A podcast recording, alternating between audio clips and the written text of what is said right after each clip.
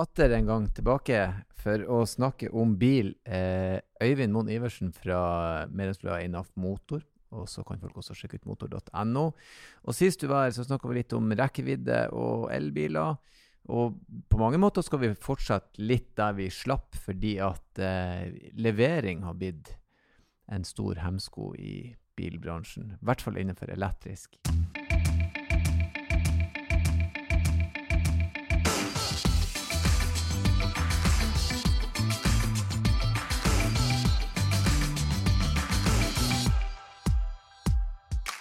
Hva er grunnen til det?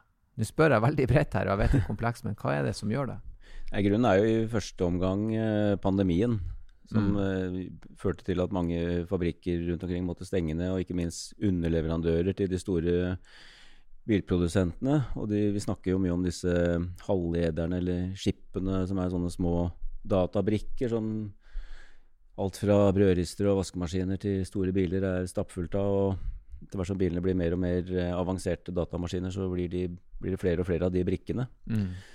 Så der er det jo en kraftig forsyningsmangel som gjør at uh, bilproduksjonen i stor grad har stanset opp. Og nå er det jo leveringstider på enkelte biler kan man få på dagen, mer eller mindre. Andre, altfor mange, er det ventetider til et år og vel så det. Mm. Hvordan forholder kundene seg til det? da? Får dere noen lesere som uh, lurer på hva de skal gjøre når bilen er et år forsinka? Ja, vi får jo veldig mange henvendelser om det. og Man skjønner jo det dilemmaet. Man ønsker seg ny bil, man sitter kanskje på en gammel, gammel dieselbil man har lyst til å bytte ut. og Hva skal man gjøre? Skal man uh, kjøpe noe brukt? Skal man uh, kjøpe en annen elbil? Skal man bare beholde bilen sin og, med masse utgifter og påkostninger på den? Så og skal man stå på en, en venteliste med de, det utstyret man ønsker seg, så kan det plutselig den tid, ventetiden bli enda lenger. fordi nettopp på disse mikrobrikkene så, så, får du ikke det soltaket eller det ryggekameraet eller den sensoren du skulle hatt. Så hva gjør man da? Man, så får man jo av og til tilbud om å hoppe på en bil som man har på lager, eller som man har tidligere i, i bestilling, med et annet type utstyr som man ofte må gå litt på kompromiss med. da. Ja, for Det der er nok sikkert en liten sånn uh, dilemma for en del. Fordi Når man først kjøper ny bil, så har man jo gjerne lyst til at den bilen skal være akkurat sånn som man er. Og det er jo fort gjort å irritere seg over noe som man hadde tenkt man skulle ha, men ikke, ikke får. Mm.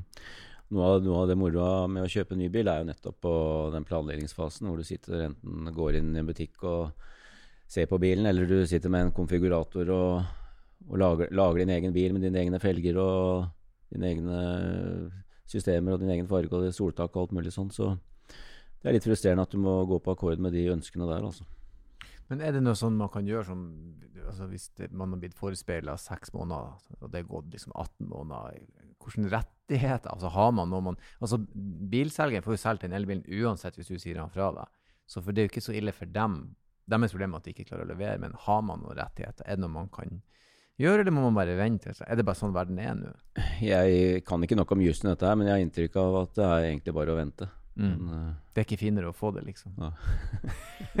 men gjør det at folk uh, kanskje kjøper flere biler? Står på flere lister? Ja, man får inntrykk av at det er noen som spekulerer i dette her, og som vet at man i det øyeblikket man får en bil, så kan man uh, selge den videre med mer eller mindre gevinst. Så mm. det er det jo helt opplagt noen som gjør. men det du skal jo være litt spesielt interessert for å, for å, gjøre det også. Det er ikke sånn at uh, folk flest spekulerer i dette her. De vil ha en bil som de ønsker seg, og de vil ha den på kortest mulig tid. Og så har de selvfølgelig forståelse for at det tar tid, men på et eller annet, et eller annet sted går den uh, grensa for hvor, hvor, tålmodig man ønsker å være. Da.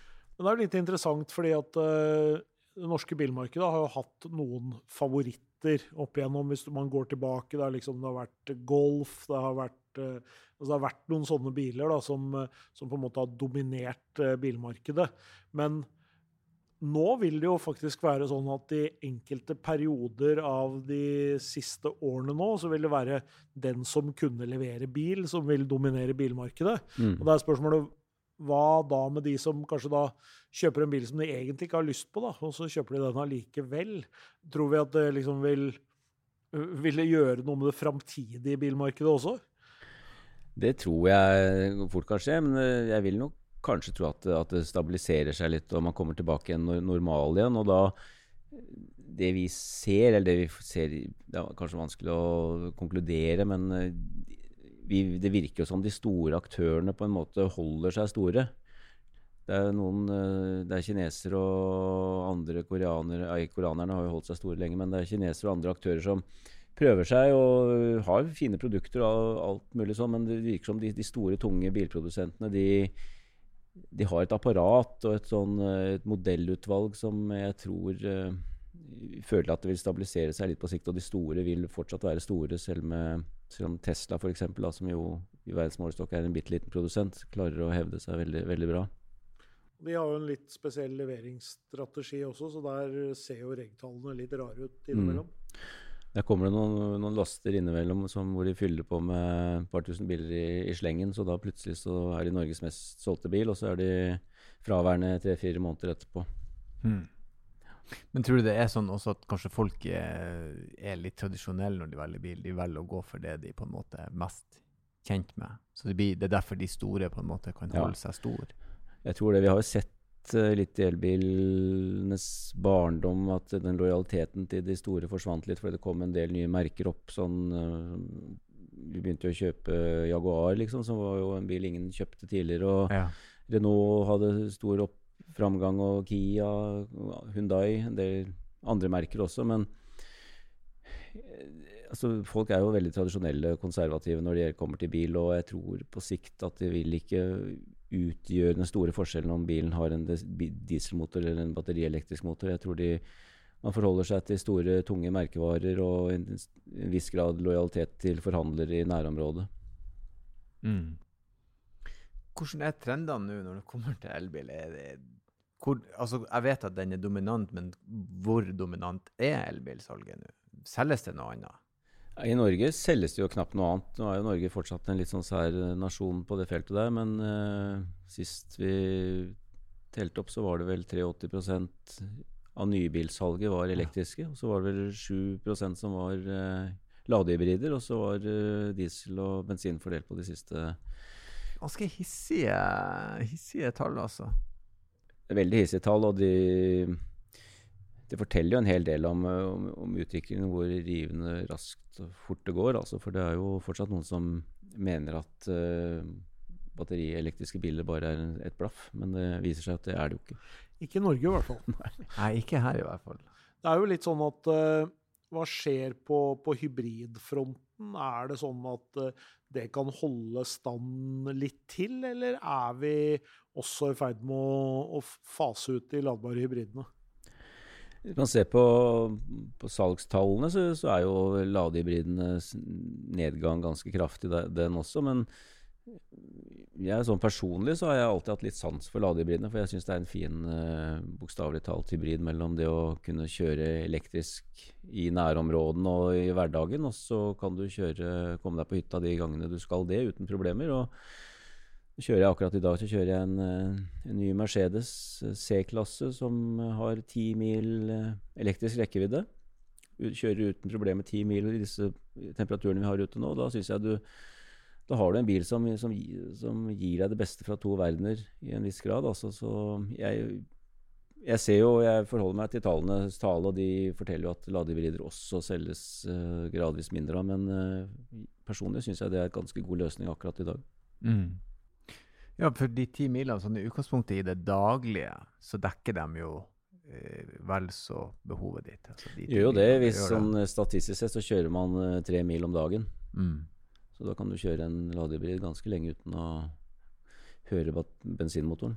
Mm. Ja, for der har det jo skjedd litt også med at uh, ladehybriden har fått større batteripakker. Da. Det er jo liksom der uh, Samtidig så, så, når du jo også der noen sånne terskelverdier da, med vekt og, og hvor mm. mye du skal drasse med deg. Ja. Det er det at du mister litt bagasjeplass, og du, bilene blir tunge. og det er jo men det, det dilemmaet der med tunge batterier, det har man jo enten man kjører en ladehybrid eller en, en, elbil. Så det er jo ganske sånn generelt, akkurat det med batteri, batteriene, da. Men hvis vi skal se litt uh, framover, da, sånn uh, ikke så veldig langt, men sånn de neste månedene og kanskje litt sånn høsten og sånn, da, hva er det som uh, Hvilke biler er det som kommer til å prege uh, høsten i Norge? Det kommer jo to biler som jeg vet veldig mange venter på. Det er jo Toyota BZ4X, som er den første ordentlige elektriske bilen fra Toyota. Som har også en sånn søster eller en tvilling fra Subaru som heter Subaru Solterra, som er to identiske biler. Og det er jo spennende når en uh, verdens største bilprodusent kommer med en helelektrisk bil, og de har jo masse kompetanse på hybrider og elektriske biler fra tidligere, men uh, sitter litt på gjerdet og venter på den første, første helelektriske bilen. Altså det er spennende å se om hva den kan prestere, om den har den uh, forventede Toyota-kvaliteten og osv. Så, så, så bra de valgte et så hendig navn. da. Skulle tro det var babyen til Elon Musk. ja, de kunne jo ha gått for noe litt mer lettvint enn BZ4X. Ja. Men uh, kanskje det i seg sjøl er lurt. Ja, Men det er jo veldig mange det, Hvis vi var inne på det stedet, det må være litt tradisjonelt. Toyota er jo et sånn tradisjonelt Mm. Og de er jo også ganske sånn nøkterne hva de tar ut av eh, krefter og ja. fart og hester. Og det er veldig Toyota. Veldig Toyota. så Det blir spennende å, å følge den. Og så har du også Nissan Aria, som er en mm. eh, også en, en SUV, en liten SUV på samme størrelse som Toyota. Litt, litt større, men Nissan har jo også veldig gode tradisjoner for å lage batterielektriske biler med Nissan Leaf, som jo har vært en dundrende suksess ja. Så det jo også spennende. Og så får du Mercedes EQE. Nå får vi jo endelig se disse nye Mercedesene som rulles ut på dedikerte elbilplattformer. Veldig spennende, det òg. Mm. For Mercedes ganske, begynner å få en ganske bra bredde, da. fordi nå kommer det vel også en, eh, en stor SUV, gjør det ikke det? Jo, det står en, en SUV-en av den store EQS-en kommer også, så, så plutselig kan du kjøpe Mercedes fra ja, fra gol golfklassen oppover til de aller største SUV-ene. Da begynner utvalget der også å bli bra. Så kommer det en eh, ja, det kommer nye Hundaier, det kommer nye Kiaer, det kommer eh, store BMW-er og mindre BMW-er. Så det, ja, utvalget der blir spennende i 2022 også. Mm. Ja, Og så er det alle disse her som skal levere, da, som eh, vi nå går og venter på. Det er jo det som kanskje er, er litt nøkkelen her også. at uh, disse kundene som, som, går og venter på disse bilene, nå ikke føler seg snytt fordi det kommer noe som er enda bedre, før de har, uh, har fått sin egen. Mm. Men sånn har det jo alltid vært. Det, altså, kjøpte du en bensinbil for ti år siden, så kom det en facelift to år etterpå. Det kom en helt ny modell fire år etterpå. Så det, er, det der dilemmaet der har man opplevd gjennom alle tider. Mm. Det er dette vi lever av. Det er det. Men det er kjipt å akkurat få levert bilen så den nyeste kommer ja, det er, det er kjipt. Sånn. det er kjipt. Fordi det er klart, ventetid er jo Man ventet jo på en bil før òg, men uh, nå har jo ventetid virkelig blitt uh, et buzzword. Mm. Men det virker som det er litt, litt bedre nå, da. Jeg sjekker bl.a. noe ja, Vi lagde jo en, en, stor sak her i motoren nå nylig med ventetiden på ny bil, ny elbil. og den har nok gått litt ned på de aller verste eksemplene. Nå får du altså de bilene du må lenge, vente lengst på, får du andre, eller først, i løpet av første halvår i 2023. Og Det er de bilene som per dags dato har lengst ventetid. og Bare for noen måneder siden så snakket vi om 2024 på enkelte modeller. Så det virker som det er litt, litt bedring, litt framgang. Det er deilig å gå og glede seg, da, men det er jo litt eh, Det er lenge til julaften da, altså. Det er veldig lenge til. Ja, I alle fall hvis man vil ha en ny bil og i dag får beskjed om at vi er ikke helt sikre når vi kan levere. Det er jo liksom mm du, skulle, du, sa det i sted, biler, for når folk først har bestemt seg, så skal de ha den nå. Mm. Og det går ikke. Gang. Nei, tålmodighet er en dyd, si. Ja, ja. Eh, med det så tenker jeg vi sier takk for at du stakk innom igjen og snakka litt om eh, ja, biltrendene og hva som kan komme.